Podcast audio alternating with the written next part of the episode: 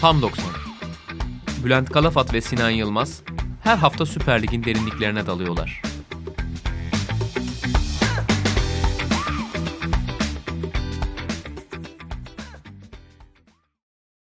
Sokrates Podcast'ten hepinize merhabalar. Tam 90'ın yeni bölümüyle sizlerleyiz. Her hafta olduğu gibi Sinan Yılmaz'la birlikte. Sinan selamlar. Selamlar Bülent. Nasılsın? Teşekkür ederim. Sen nasılsın? Ben de iyiyim. Çok sağ ol. Geçen haftadan bu haftanın konusunu belirlemiştik. Hatayspor'u konuşacağımızı söylemiştik. Ligde gene geçen sezona yakın bir performans sergilediğini söyleyebiliriz Hatayspor'un en azından puan ortalaması olarak. Çok iyi bir giriş yapmışlardı aslında. 11 maçta 8 galibiyet. Bunun devamında ilk yarının sonu ve ikinci yarının başında biraz tökezlediler.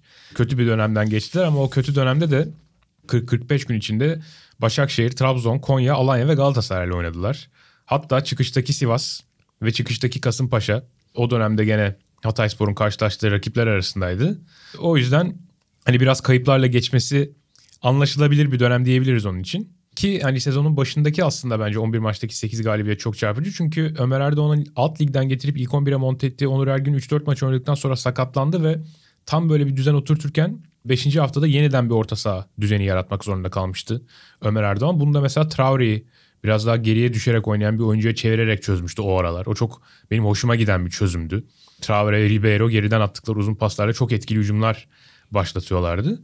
Bunu başardı. Bu farklı orta saha ikilisini kurmayı başardı ve iyi kötü bir ritim yakaladılar.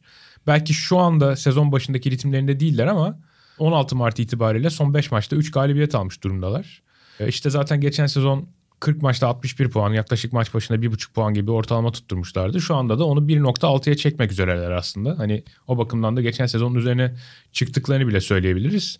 Kupada bir son 6 turunda Antalya Spor'a elendiler. Orada işler belki çok istedikleri gibi. Şanssız ama, bir maçtı orada da. Evet çok şanssız bir maç geçirdiler gerçekten. Ama yani bütün bu puanlar ve maçlar bir yana oyunları bakımından çok şahsına münasır bir takım Hatayspor. Ligin bana kalırsa en verimli hücum eden ve en iyi kontratak yapan takımı. Hem çok iyi bitiricileri var hem de topu çok çabuk ileri taşıyabilecek pasör ve top sürücüleri, top taşıyıcıları olan bir takım. Tam hızlı atak yapmak isteyen, rakip kaleye çabuk gitmek isteyen bir takımın ihtiyacı olan donanıma sahipler her bakımdan. Mesela Antalya Spor'la çok benzer bir tarzları var bence hem kapalı savunmaları, fazla önde basmamaları hem de çabuk hücumlar yapmak istemeleri. Ama bu iki takımı birbirinden ayıran belki de en net fark kontra ataklardaki etkinliği. Özellikle Hatayspor'un yaptığı kontra ataklarda mesela oyuncuların birbiriyle çok uyumlu koşular attığını görürsünüz. Birbirini çok tamamlayıcı işler yaparlar ve genellikle topu kullanan oyuncular doğru karar veriyorlar. Antalya Spor'la arasındaki en net fark bu. Antalya Spor belki eşit sayıda kontra atak yapıyor ama çok daha az şut çıkarıyor bunlardan. Çok daha azı gerçek bir tehlikeye dönüşüyor. Ve bu da Diouf ve Ribeiro gibi iki tane bu işin hem hazırlanma hem de bitirme kısmında çok önemli iki tane ayağa sahip olmalarının çok önemli bir sonucu diyebiliriz herhalde. Diouf bence gol konusunda çok büyük fark yaratıyor kendi atmasa bile. Onun oyun zekası ve liderliğine birazdan bol bol değiniriz. Ama hücumda ne kadar iyi bir organizasyon ve kontra atak güçleri varsa bu konuda sana katılıyorum. Ligin bence de en iyi kontra atak takımı net bir şekilde Hatay. Belki iki yıldır böyle hatta. Geçen senenin de en iyisi onlardı. Ama iki sezondur da ilginç bir şekilde savunmada çok büyük problemler görüyoruz. Ve bu da şuradan ilginç. Teknik direktörlerde bu nedense çok oluyor. Kariyeri boyunca büyük on numara olan adamlar mesela George Hacı gibi çok defansif takımlar çıkarabiliyorlar. Michel Lucescu da öyle bir santrfordu Lucescu da. Ve öbür taraftan kariyeri boyunca işte büyük bir stoper olan veya kaleci olan Şenol Güneş gibi adamlar çok iyi hücum takımları yaratabiliyorlar. Ve bunun aksine mesela Ömer Erdoğan birazdan bol bol öveceğiz tabii ki. Çünkü net bir fark yarattı son iki yılda Türkiye'de. Ama garip bir şekilde en yapamadığı şey takım savunması oldu. Tabii biraz personelle de ilgili. Tabii harcadığı parayla da çok ilgili. Çok ucuza adamlar alıyor. Ama sonuçta scouting'e de bu kadar önem vermesine rağmen ve kendisi 15 yıl stoper oynamış bir adam olmasına rağmen stoper tercihleri felaketti geçen sene. Tipik bir Türkiye takımı. Ee, gerçekten. Bekleri de değiştirdi. Bak şimdi sayayım mesela çok e, çünkü çarpıcı. Geçen seneki sağ beki Popov bu sene bir alt lige döndü. Eyüp Spor'a döndü. İlk yarıda biraz forma şansı buldu ama çok kötü maçlar çıkardı Hatay'la evet, bu sene. Evet. Sonra Pablo Portekiz Ligi'ne geri döndü. Pablo berbattı zaten geçen senede. Moriense'ye dönmüş. Orada tekrar Moriense'ye kiralamışlar galiba. Moriense küme düşüyor. Pablo Portekiz Ligi'ne küme düşen Moriense'de bile yedek. Bilong biliyorsun geçen sene bizim en beğenmediğimiz stoperdi. Seninle çok konuşmuştuk. Tam evlere şenlik performans sergilemişti. Bu sezon Clermont almış. Clermont e, Fransa Ligi'nde düşme potasının sadece 2 puan üzerinde olmasına rağmen orada bile 400 dakika oynayabilmiş sadece. Ki yani yedeğin yedeğinin zaten. yedeği gibi bir şey. Evet. 400 dakika çok az bir süre. Katranis Polonya Ligi'ne dönmüş sol bekleri geçen senenin. Bunlar en çok süre alan geçen sene savunmada süre şeyine göre sayıyorum. Polonya Ligi'nde bir orta sıra takımında oynuyor. Yusuf Abdioğlu daha sonra 3. stoperleri Yusuf. Ee, yani Bilong ve şeyden Pablo'dan sonra en çok süre alan. Ankara gücüne yine bir alt lige gitmiş Popov gibi. Ama Yusuf fena oynamıyor bu sezon. 6 tane gol atmış hatta yani Ankara gücü de zirvede. E, Orada iyi işler yapıyor. Mesut Çaytemel var geçen sene sol bekte Katranis'ten sonra en çok süre alan oyuncu. 3. lige gitmiş ama onun yaşı var 37 yaşındaydı. Ama sonra Soner Örnek var bir diğer stoper o da 3. lige gitmiş. O da Iğdır Spor'da. Sonra geçen sene oynayan isimlerden Burak Çamoğlu bir tek o kalmış yani. Bütün savunma hattından sadece onu tutmuş. O da sadece iki maçta sonradan oyuna girmiş ve 37 dakika alabilmiş bu sene. Yani bütün bir savunma hattını bypass etmiş. Direkt atmış yeni bir savunma hattı kurmuş Ömer Erdoğan. Bu seneki savunmacıların sağ bekte Kamil Ahmet Çörekçi ile değerlendirdiğini, sol beke Adekuk Bey'i aldığını görüyoruz. Stopere Burak Öksüz'ü alıyor bir alt ligden. Bir de Fatih Kuruç'u aldırıyor. Muhtemelen biraz Fatih Kuruç'a maaş vermiştir. Çünkü biraz şeydi. Hani insanların ilgisini çeken 3 büyüklere 4 büyüklere de yazılan zaman zaman bir oyuncuydu. Biraz belki Fatih'e maaş vermiştir diye tahmin ediyorum ama Belki geri kalan Adekugbe de olabilir. Adekugbe de Kanada milli takım oyuncusu. ilk 11 oyuncusu. doğru. Ama geldiği lig falan onun da bayağı aşağı seviye. Yani hani Fatih Kuruçuk ve Adekugbe evet bu diğerlerinden biraz ayrılıyor olabilirler. Evet. Ama yine de ucuz yani Burak Öksüz falan bir alt lig oyuncusu. Yani yine çok fazla para harcamadığını görüyoruz. Bu arada geçen senelerde Fenerbahçe'den bildiğimiz Falet'i de aldılar ama Falet hiç beklerini veremedi. Yedek stoper oldu kaldı. Enzi'ye benzer şekilde devre arasında geldi Fenerbahçe'de. Eski Fenerbahçe. o da ama yedek oyuncusu. olarak alındı belli ki. Ya başta oynadı falan hatta mükemmel bir free kick golü attı birkaç hafta önce ama şu son maçlarda yine yedeğe çekildi o da. Evet. Bu 5 saydığım 5 savunmacı dışında yeni 5 savunmacı dışında çok da fazla geçen senenin aksine rotasyon yapmamış. Onun yerine orta saha oyuncularını stopere çekmiş. Saki gibi. Ben Saki'yi de hiç beğenmem açıkçası. Bir de Onur Ergün'ü de bir orta saha oyuncusu zaman zaman Evet. stoperde kullandığını görüyoruz. Bu seneki savunma hattı geçen senekinden bir tık daha iyi gibi geliyor bana. Ama yine bu senede ben Ömer Hoca'nın savunma olarak yine problem Evet. yaşadığını düşünüyorum. Belki önümüzdeki sene daha iyi olur diyeyim. Yani geçen sezon şu cümleyi çok kurduğumu hatırlıyorum. Hani yorumlarda, tweetlerde. Şu Hatayspor'da Santos Bilong ikilisi yerine bir birazcık hani lig ortalamasına yakın bir stoper ikilisi olsa ne olurdu acaba diye. Ee, ne yazık ki aynı şeyi bu sezonda sık sık söylerken buldum kendimi. Bakalım belki önümüzdeki sezonu hallederler artık. Tabii bu Ömer Erdoğan'ın düşük profilli oyunculardan lig ortalamasının üzerinde performans veren takım yaratma yeteneğine birazdan daha detaylı değineceğiz. Teknik direktör Ömer Erdoğan'ı tanıyacağımız bölümde ama burada Hatayspor'u biraz daha iyi anlamak bakımından Statsbomb'dan bazı verilerini paylaşmak istiyorum. Çünkü gerçekten takımın karakterini çok net anlatan bazı noktalar var. Örneğin şutla biten ataklarda topu rakip kaleye en hızlı götüren takım Hatayspor. Ortalamanın %20 üzerindeler ki burada skala çok dar ortalamanın %20 üzerinde olmak bu metrikte son derece önemli bir fark. Çünkü çok fazla takım çok dar bir bantta kümelenmiş durumdalar. Ya Hatay bambaşka bir yerde konumlanıyor yani. Aynen öyle. Maç başına en fazla kontra atak şutu atan takım. Burada da ortalamanın %60 üzerindeler. Çok çarpıcı bir fark. Şut başına gol beklentisi en yüksek olan takım ve şut başına gol beklentisi 0.13'ün üzerinde olan tek takım.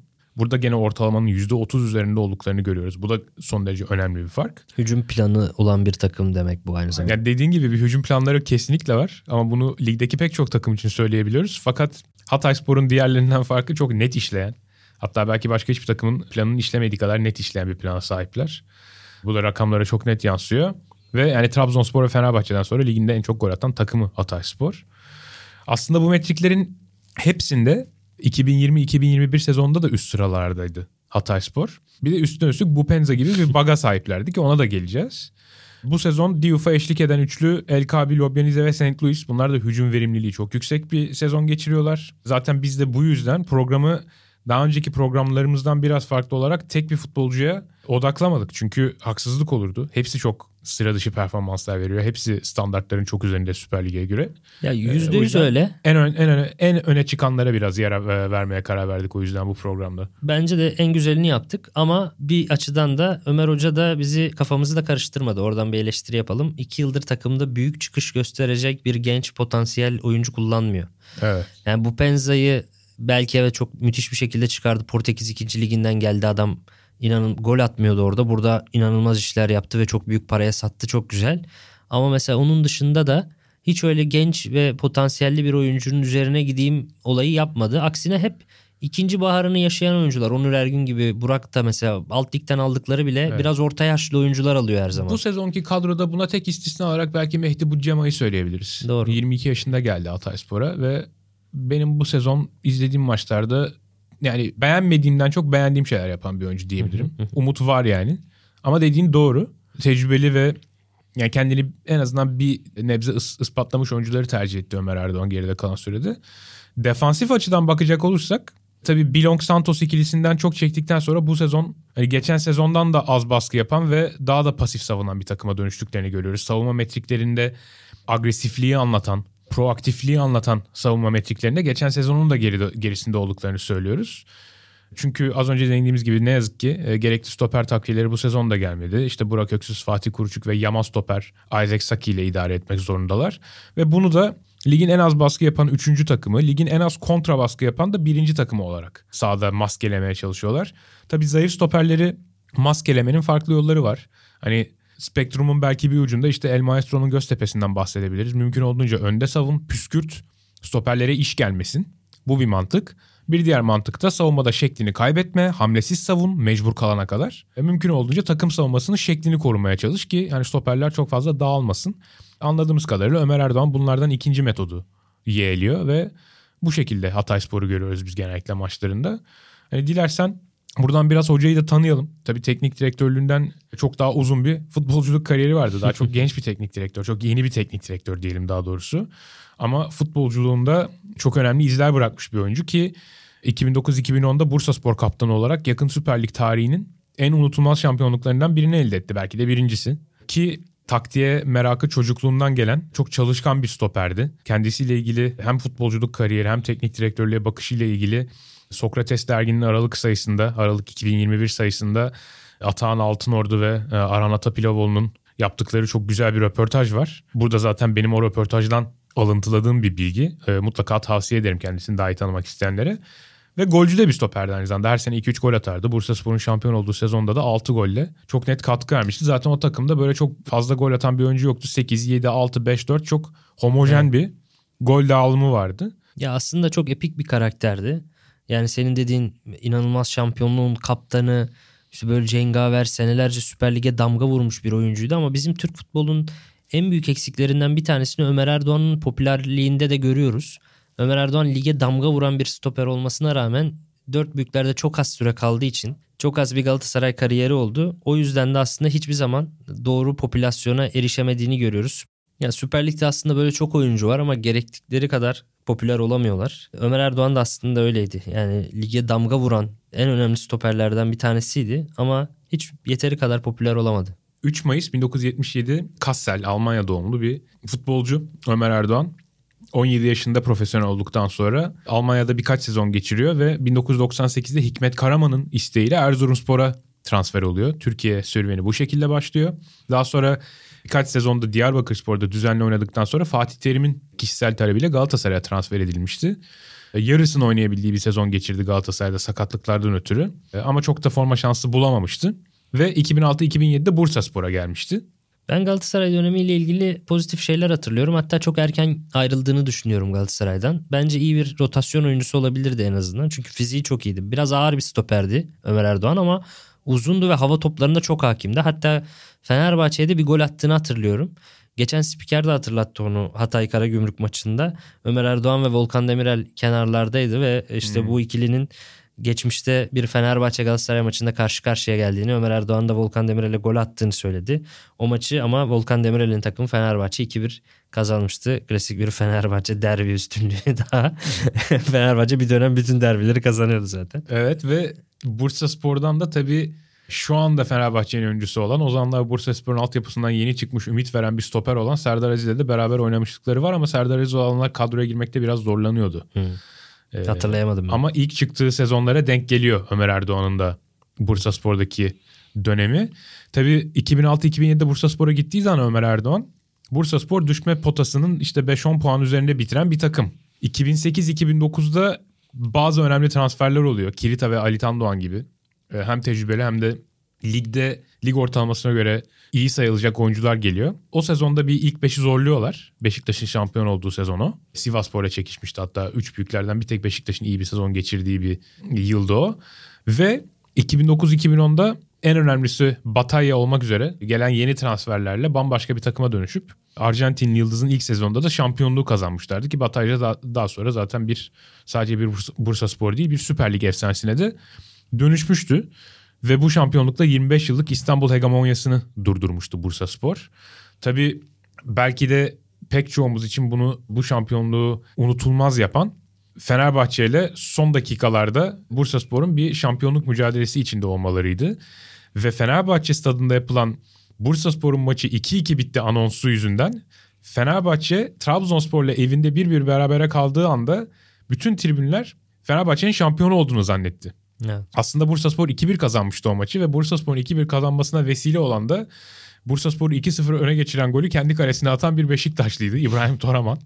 Böyle çok kritik bir rol de üstlenmiş oldu aslında İbrahim Toraman belki o an farkında olmayarak ve ben bu anı hiç unutmam. Çünkü o zaman Libya'daydım. Libya'ya yeni gitmiştim hatta 2009'un sonlarına doğru ve işte orada uyduydu, antendi falan bu şeyi daha kuramamıştım abi düzeneyi. Çok uzun süre işte telefonumda internete girip böyle berbat e, streamlerden sürekli takılan işte 360-480p falan görüntü kalitesiyle ligi izledikten sonra ilk defa bu akşam bu Fenerbahçe ile Bursaspor'un şampiyonluk çekişmesinin neticesinin belirleneceği maçta ilk defa dekoderli, uydulu, net bir yayın izlediğimi hatırlıyorum. İlk o zaman odama kurdurmuştum bunu. Bayağı uğraşmıştım orada. Ve ilk izlediğim şey bu olmuştu. Yanımda da oda arkadaşım vardı Selim Yazıcı buradan ona da selamlar olsun. Galatasaraylıydı kendisi. Bir Beşiktaşlı bir Galatasaraylı. Tabii Fenerbahçe'nin düştüğü bu durumu görünce ne kadar eğlendiğimizi herkes tahmin edebilir.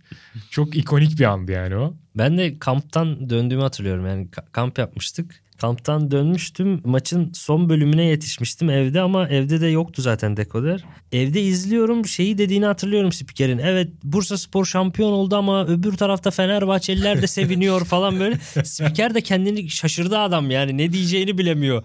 Hani Bursa Spor şampiyon oldu diyemiyor Fenerbahçeliler yüzünden. Spiker için de inanılmaz zor olmuştu. Hatırlıyorum onu yani şeydeki televizyondaki hangi kanalı izliyorsam artık. Ben de dondum kaldım ya dedim Trabzon maçını bu kadar mı iyi oynadılar da taraftar kaybedilmesine rağmen şampiyonluk alkışlıyor falan gibi böyle aşırı polyanacı fikirlere dalıyorum o sırada. Çok garipti gerçekten o akşam. O şampiyonluktan sonra Bursaspor gene üst sıraları kovalayan bir takım oldu. Fakat 2009-2010'daki başarısını tekrarlayamadılar ve hala kulüp tarihinin tek şampiyonluğu olarak duruyor. Ömer Erdoğan da bu takımda 2-3 sezon daha geçirdi ve 2013'te Bursaspor formasıyla futbola veda etti.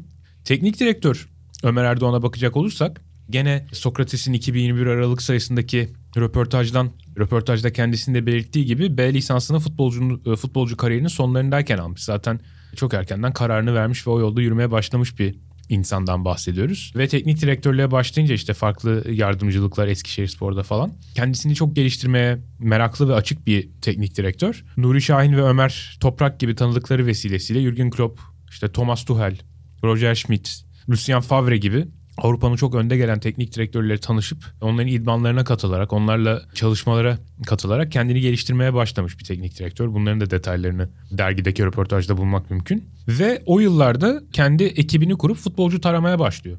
Yüzlerce futbolcudan oluşan bir havuza sahip oluyor ve belki de bu birikimin de katkısıyla Hatay Spor'da transfere çok doğrudan müdahil olabilen bir konumda buluyor kendini. Ki yani bu da Hatay Spor için son derece faydalı oluyor. İşte en ünlü transfer harikasına zaten programın başında da değindik. Ağustos 1996 doğumlu Erenbu Penza. Gelmeden önceki sezon Portekiz 2. Liginde 2-3 golü olan bir futbolcu. Kariyerinde de hiç böyle aman aman böyle sizi gol rakamlarıyla, asist rakamlarıyla etkileyecek bir geçmişi yok. Fakat geçtiğimiz sene Orhan Uluca ile Asist Analiz'in YouTube kanalında yayınlanan röportajında bu Penza'yı nasıl geliştirdiğini, nasıl tespit ettiklerini ve nasıl geliştirdiğini anlatıyor. O kısmı çok enteresan bence. İşte Türkiye'ye biraz kilolu geldiğini, özel bir diyetisyen eşliğinde onu zayıflatmak için çaba harcadıklarını anlatıyor. Topsuz oyununda çok büyük eksikleri, yanlışları olan bir oyuncu olduğunu, bunda tam olarak kendisinden ne istediğini bir drone vasıtasıyla çekilen videolarla birebir seanslarla kendisini anlattığını ve bu Penza'nın bu seanslara, bu çalışmalara çok çabuk ve çok iyi tepki verdiğini anlatıyor. Gerçekten güzel bir hikaye o ve netice kelam 22 golle gol kralı olan bir canavar yaratıyor Ömer Erdoğan bu Penza'dan. Borda'dan ücretsiz renklerine bağladıkları oyuncuyu daha sonra 4-4,5 milyon euro bandında bir bonservisle El Arabi'ye sattılar. Gerçekten kusursuza yakın bir transfer hikayesi işte. Ya, Bundan iyisini yapmak falan çok da olmasından dolayı gerek. biraz hani kilo probleminden dolayı belki de işte daha önce Bordeaux'da denediği için muhtemelen yeteneğine inanıp Bordeaux denemiştir. Hani Avrupa'dan falan piyasa bulamasa bile Arap takımlarından bir şekilde o parayı koparmış olmak da sadece bir yıllık performansla yönetim için de bence iyi bir başarı. Yani belki bir sene daha kalsa tekrar kilo alacak bilemezsin yani güvenemezsin. Ya bu teknik heyet için ne kadar önemli bir başarıysa bence yönetim için de önemli bir başarıydı.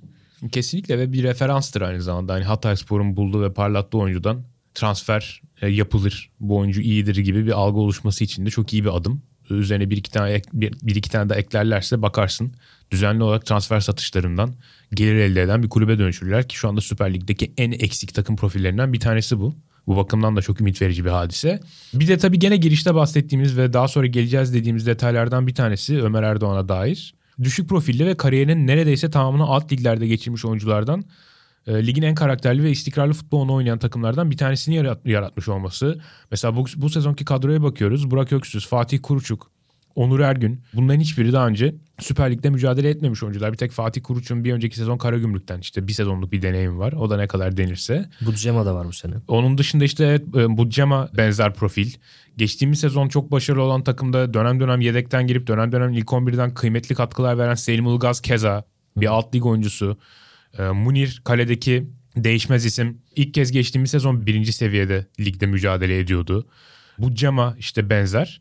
Bunlar gerçekten çok önemli. St. Louis bir diğer önemli isim 5 gol 5 asistle oynuyor bu sezon. Munir- Kariyerinde sadece bir tane Fransa 1. lig maçı var. Onun dışında hep 2. 3. liglerde oynamış bir oyuncu. Bunların hepsi Ömer Erdoğan'la kariyer, kariyerlerinde ciddi bir sıçrama yapmış oyuncular. Munir ilginç ya. Munir bu arada milli takım kalecisi oldu. Yani muhtemelen Hatay'daki performansıyla milli takım kalecisi olabilir. Çünkü alt lig oyuncusuyken milli takım daha önce de acaba Hatay'dan önce alt şey miydi? Milli takımın birinci kalecisi miydi? Onu merak ediyordum de. Son dönemde Munir milli takım kalecisi, birinci kalecisi diye hatırlıyorum. O da eğer olmuşsa hani şey Ömer Erdoğan sayesinde Fas milli takımı kaleci kazanmış gibi bir durum da söz konusu olabilir. Yani Fas milli takımda aslında 42 maçı var ve ilk maçına 2015'te çıkmış. Ben de şu anda bakıyorum buna. Önümde bilgisayar açık olma olduğu için bakabildim. Belki işte o sırada Fas kaleci havuzu dardı ve hani çok üst düzey oyuncular olmadığı için İspanya'nın ikinci liglerinde oynayan bir oyuncu bile Hı, olabilir. yeterli kalabiliyordu belki Doğru. o milli takım için ama hani bakıyoruz kariyerine. Şimdi ben de teyit etmek için baktım. 2010'dan 2020'ye kadar hep işte ikinci ikinci ligin de altındaki şeyler. Bir alt seviyedeki 1 2 3 4 diye bizim beyaz kırmızı gibi gruplara ayrılan seviye. Ondan sonra La Liga 2, ondan sonra La Liga'ya yükselme mücadelesi başarısız oluyor. Tekrar La Liga 2'de mücadele ediyor ve 2020-2021'de ilk defa bir ülkenin en üst düzey liginde oynuyor. Ya Munir Ee, bu çok arada çarpıcı.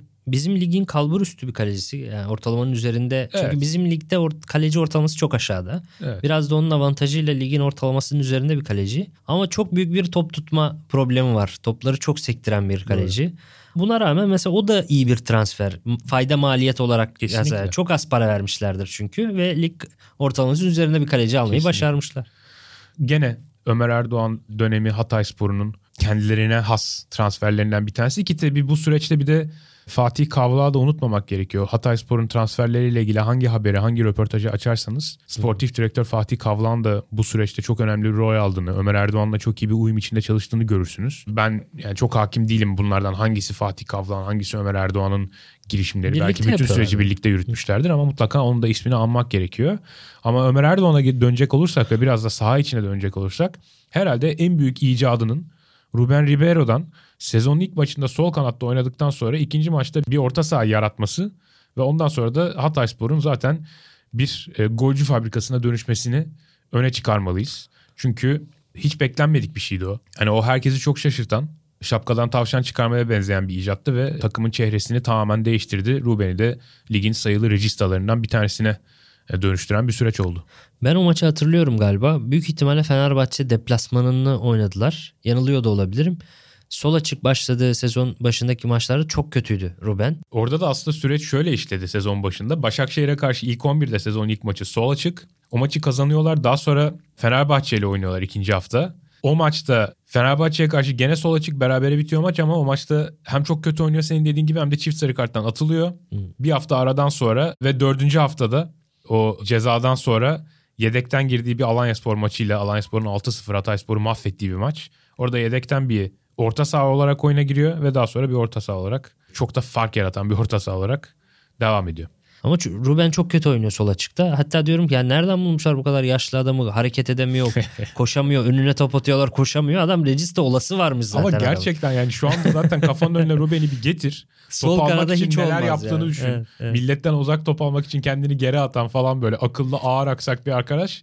Evet. Mesela sol kanatta hiç düşünemiyorum evet, yani. Biglia'yı kanatta oynatmak gibi, gibi bir şey işte. Öyleydi zaten bu arada. Sol kanat performansı hep ezdiler benim izlediğim o maçta. Hatta ben demiştim yani nereden bulmuşlar adamı ama ondan sonra Yine Orhan Ulucan'ın röportajında vardı bu. Ömer Erdoğan'la o konuyu da konuşuyorlar.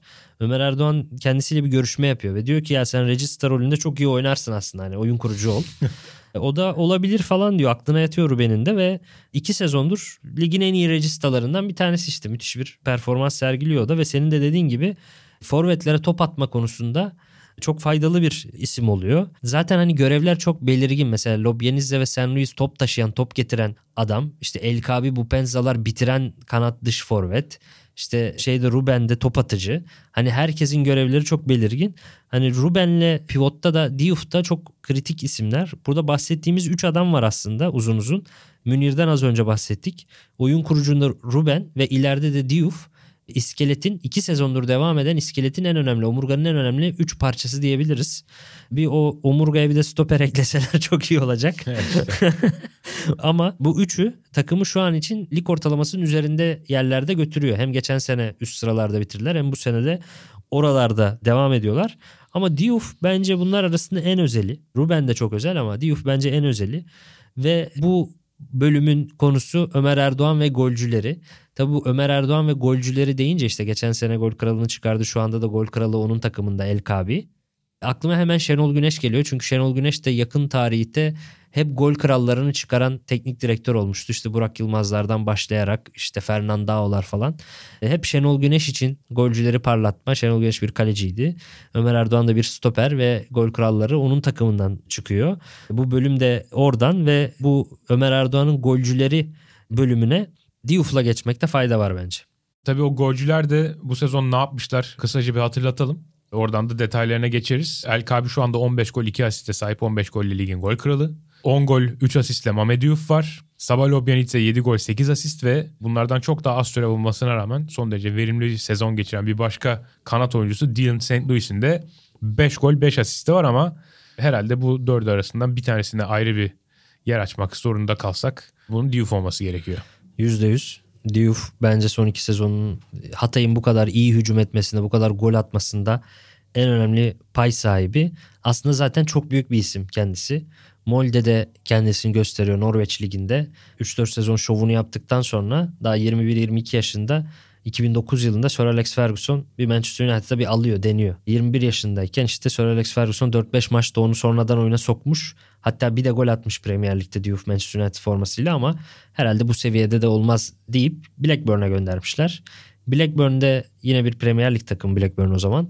Oynadıktan sonra da bir Bundesliga yapıyor. 3 sezon Bundesliga'da Hannover 96'da performans sergileyip devamlı 11 oyuncusu olup oradan yine bir Premier Lig'e e, dönüş yapıyor ve Stoke City'ye gidiyor. Stoke City'de de uzun yıllar oynuyor ta 2018'e kadar hep Premier Lig'in bank oyuncusu ve çoğu sezonda 30 artı maça çıkıyor. Gollerini de atıyor ama Stoke City küme düşünce Orada işler yolunda gitmiyor. Belki aldığı maaşı yüksekti şeydi. U23 takımına gönderiliyor. Yaklaşık 2 yıl doğru düzgün futbol oynayamamış ve artık yaşı da 32'lere gelmiş olan Diouf için Ömer Erdoğan bir e, risk alıyor aslında. Çünkü hem yaşı gelmiş hem 2 senedir top oynamayan oyuncu hem yüksek isim yüksek maaş isteyecektir doğal olarak. Ama ona Ömer Er- Erdoğan yaptığı bir röportajda artık nereye söylemişti hatırlamıyorum ama bu sözünü net hatırlıyorum. Kendisini Stoke City'nin U23 takımında izlemiş. Ve o maçta bile canının dişine takan ve çok takım oyuncusu mücadele ettiğini görünce ya bu adamı futbola döndürürüm ben demiş yani. Çünkü karakter var, kalite var. Biraz ritim lazım, oynaması lazım diye düşünüyor herhalde. Ve hakikaten onu da ikna ediyor. Hatay'a getiriyor ve adamı da geride döndürmeyi başarıyor gerçekten.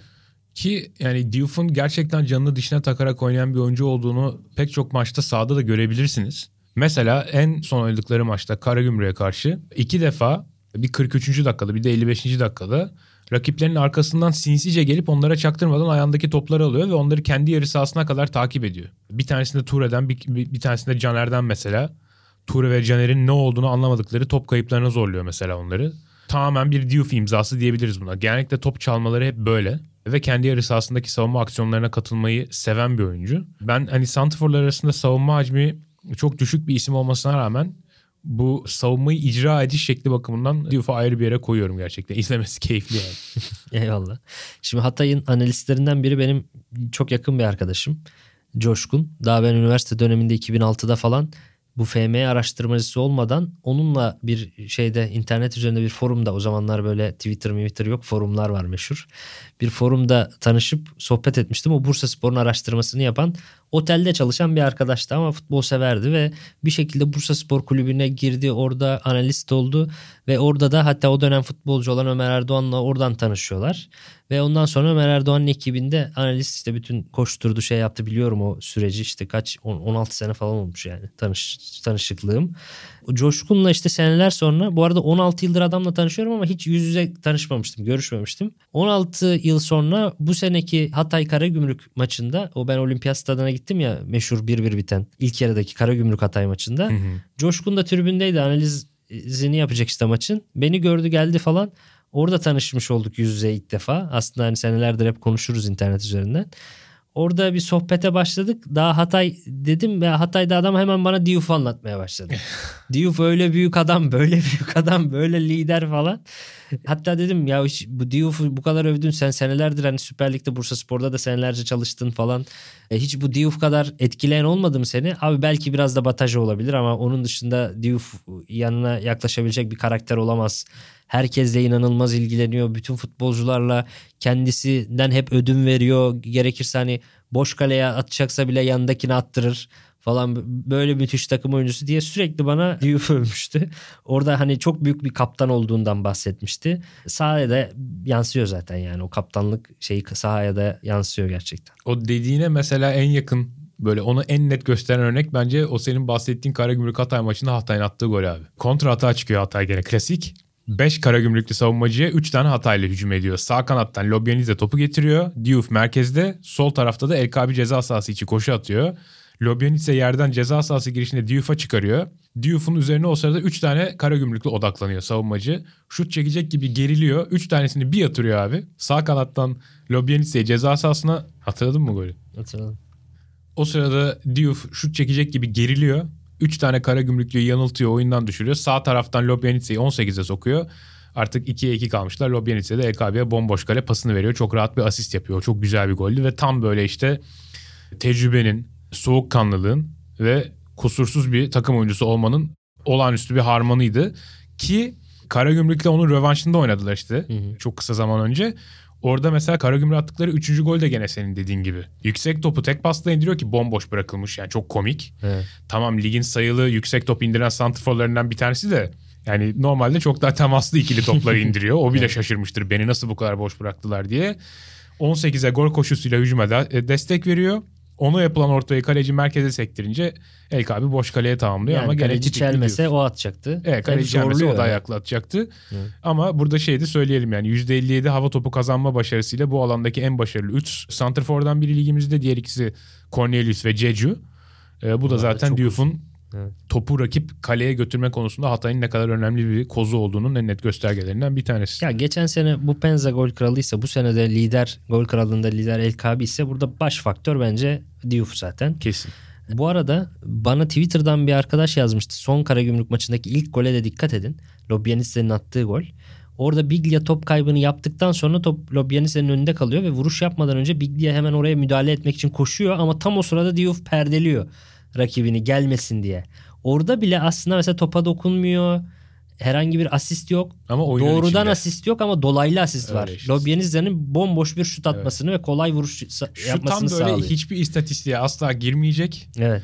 Hakkı çok yenmeye açık ama son derece ince ve son derece kıymetli bir katkı Doğru. gerçekten. Tam Doğru. böyle kurt oyuncu katkısı işte orada uyumayıp doğru hareketlenmeyle golü yaratıyor. Ya bu arada adam artık 34 yaşında ve çok ağır. Yani herhangi bir atletizm aşağı yukarı kalmamış gibi bir şey. Sıçraması herhalde Ee, doğuştan gelen bir yetenek olsa Evet. gerek. O, Çok onu çözmüş gibi. Evet. Evet. Ama mesela hem çok ağır işte hem senin dediğin gibi savunma şey artık enerjisi o kadar yok ve bazen çok da basit goller de kaçırıyor. Genelde kalecinin üzerine de çok vuruyor, abanıyor.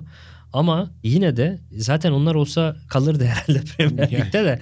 Hani eksikleri tabii ki var ama yine de müthiş bir katkı sağladığını söyleyelim. Geçen sezon da bu arada 19 gol 5 asist yapmıştı. Bu sezonda 10 gol 3 asist dedik ama 3 asist işte o sayılmayan dolaylı asistler var işte. Robbeniz'e perdelemesi gibi o hava toplarını indirmeler, karamboller İkinci, yaratmalar. var. Üçüncü asist senin ilk dediğin Karagümrük maçı üçüncü asist mesela. Birçok pozisyonda üstünden atlayarak El Kabi'yi attırdığı pozisyonlar da var. Tüm bunlardan dolayı da hani çok aslında tam bir asistçi saymasa bile istatistiklere. Doğru. İstersen bir de Sabalobyanista'ya geçelim. Tabii ki. Mr. Sabaloba diyorum ben ona. Gürcüymüş bu arada. Bak hiç fark etmedim. Ben Danimarka'dan falan Danimarka'dan mı gelmişti? Kuzeyden geldi. Danimarka'dan Renders'tan geldi. Danimarka'dan geldi bir de sarışın falan ben kuzeyli biri zannettim. Yani Lines gibi biri zannetmiştim ben açıkçası. Gürcü olduğuna şaşırdım o yüzden. Meğer bizim taraftan geliyormuş yani. o bizden o tarafa gitmiş. Danimarka liginde de aslında çok formdayken Ankara gücü almıştı. 15 maçta 8 gol 2 asist yapmıştı ilk devrede. Ankara gücü de devre arası almıştı onu. Hatırlıyorum hatta o sırada işte senle nokta atışı podcastini yapıyorduk. Hı hı. Devre arasındaki bölümlerden bir tanesinde bu oyuncuyu da konuştuk ya çok yani yükseldiğimizi hatırlıyorum. Bu adamı nereden getirmişler?